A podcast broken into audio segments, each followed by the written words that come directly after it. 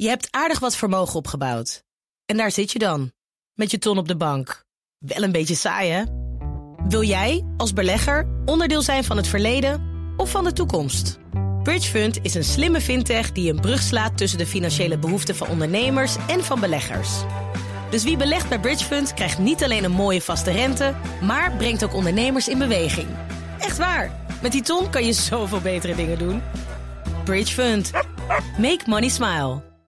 The Daily Move. BNR Nieuwsradio. Kees Dorrestein en Liesbeth Staats. We gaan praten over ons klimaatbeleid. Want het kabinet heeft de lat nog wat hoger gelegd voor zichzelf.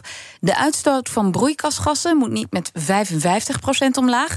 Maar het doel wordt 60% mindering. Maar ondanks die ambities wordt er nog niet heel hard aan gewerkt. En dat staat dan weer te lezen in de klimaat- en energieverkenning... die minister Jette net naar de Tweede Kamer heeft gestuurd. In Den Haag uh, zijn politiek verslaggever Leonard Beekman... en ook onze verslaggever Energie en Klimaat is daar vandaag, Mark Beekhuis. Goedemiddag, heren. Goedemiddag. Goedemiddag. Ja, uh, Mark, dat rapport dat dus net gepresenteerd is... ik heb het idee dat ik je moet vragen, hoe slecht staan we ervoor?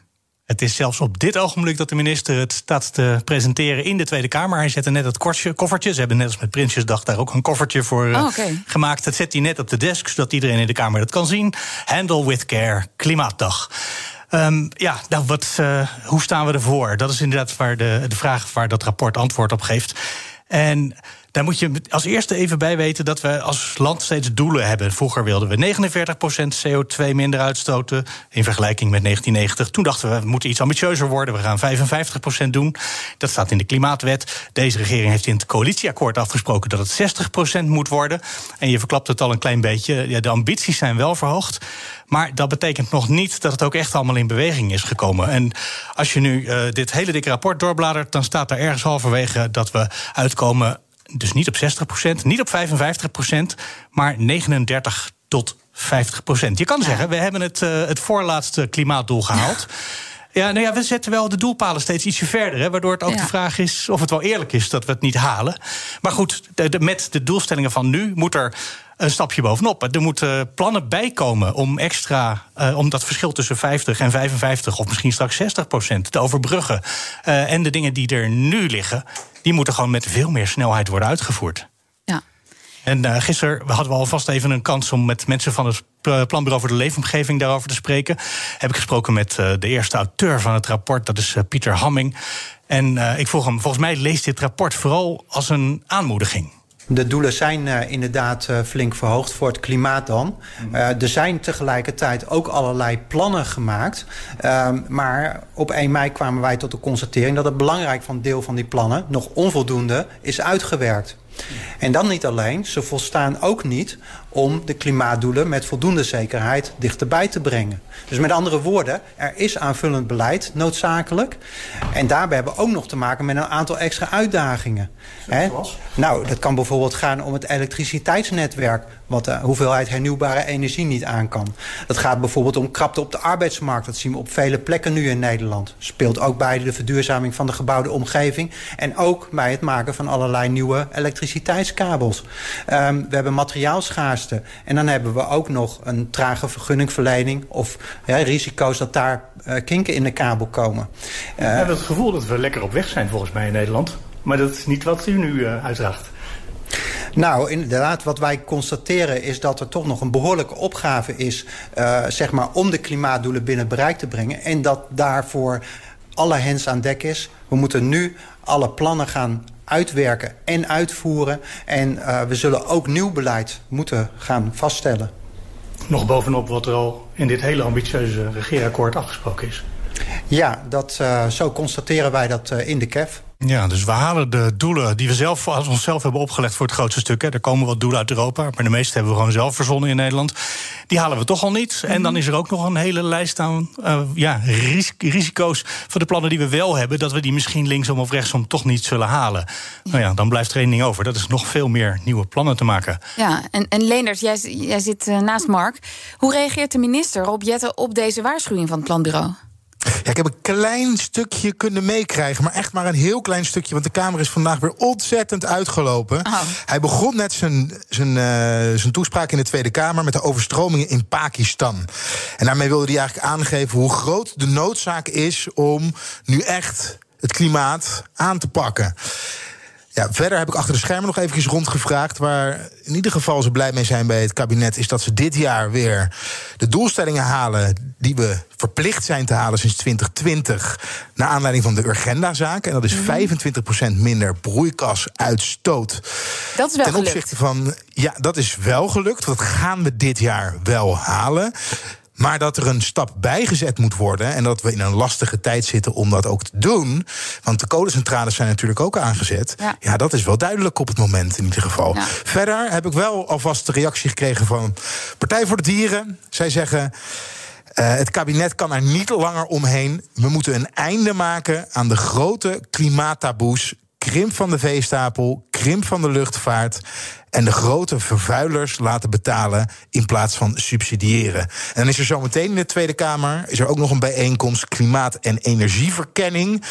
En daar spreken ontzettend veel natuurorganisaties. Denk bijvoorbeeld aan Greenpeace, eh, de Jonge Klimaatbeweging, Natuur en Milieu, maar ook Partij van de Arbeid en GroenLinks. En zij zullen ook zeggen: de ambities van het kabinet zijn hoog, maar om die ambities te halen moet er nog wel heel veel gebeuren. Ja. En Mark, jij hebt uh, dat rapport al kunnen lezen, of in ieder geval kunnen uh, scannen. Ik weet niet uh, hoe dik het was. Wat viel jou verder op? Zal ik je het je laten horen? Ik denk dat ik wel een indruk kan geven. ja? 500 pagina's of zoiets. Oh, kijk. Ja, dat is, dat is ja. flink huiswerk. En allemaal lettertjes, heel weinig plaatjes. Beetje jammer, ja, zonder van ook, milieu. bij dat soort. Uh, ja. Nou ja, je kan het natuurlijk digitaal lezen, hè? Uh, ja. Maar goed, over de inhoud. Mark, wat viel jou ja, op? precies. Ja, je kan op honderden manieren kan je er naar kijken. Je kan naar allerlei sectoren, daar hebben ze analyses voor gemaakt. Ja, bijvoorbeeld, je net de, de, boeren, de landbouw komt voorbij. Hè, wat de, de Partij voor de Dieren zegt. Misschien moeten we toch het aantal koeien misschien maar eens gaan verminderen. Niet alleen voor stikstof, maar ook voor het klimaat. Nou, als je dit rapport erbij pakt, dat is niet iets wat een enorme impact gaat hebben. Maar het staat wel als een van de maatregelen die, uh, die je zou kunnen doen. Of tenminste, het is in ieder geval iets wat, uh, wat, wat te doen zou zijn, wat iets zou opleveren. Uh, wat ik zelf interessant vond, was het onderwerp energie besparen. Want daar hebben we het in, sinds een paar weken ineens in Nederland allemaal over. Dat heeft te mhm. maken met de hoge energierekening. Uh, Europa heeft voor heel alle Europese landen doelstellingen voor energiebesparing opgelegd. Nederland heeft daar niet zoveel mee gedaan. Eigenlijk hebben we daar nauwelijks beleid op. En dan is het ook niet zo gek dat dat uh, nauwelijks iets heeft opgeleverd. De focus van het Nederlandse beleid ligt sterker op het reduceren van CO2 dan op uh, doelen voor energiebesparing.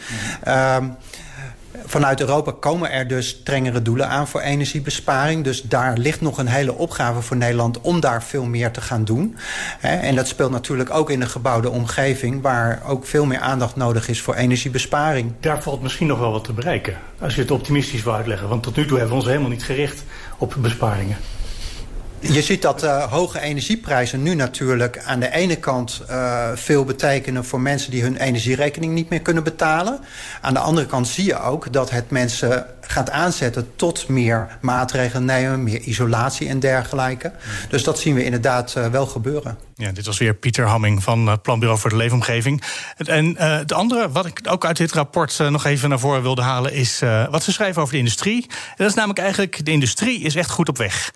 Die uh, hebben doelstellingen en die gaan ze gewoon halen. En dat is leuk, want uh, vanmorgen kwam er ook nog een, uh, een bericht van de Nederlandse Vereniging voor Duurzame Energie. Die zei: ja, we moeten al die termijnen, alle procedures moeten we wel gaan versnellen, want anders redden we het allemaal niet voor 2030. Jawel, dit rapport zegt: jullie oh. halen het wel, ook met de huidige procedures. Dan nog steeds is het wel fijn als ze een beetje versnellen hoor. maar het vervelende van de positie van de industrie is wel dat dat een hele kwetsbare aanpak is die ze hebben, die ook ja, waarschijnlijk wel gehaald wordt maar die ook net zo goed uh, kan mislukken. Nog een keer Hamming van PBL. Bij de industrie uh, wil men de emissies reduceren uh, met verschillende, op verschillende manieren. Bijvoorbeeld met de afvang van CO2 en de opslag daarvan onder de zeebodem.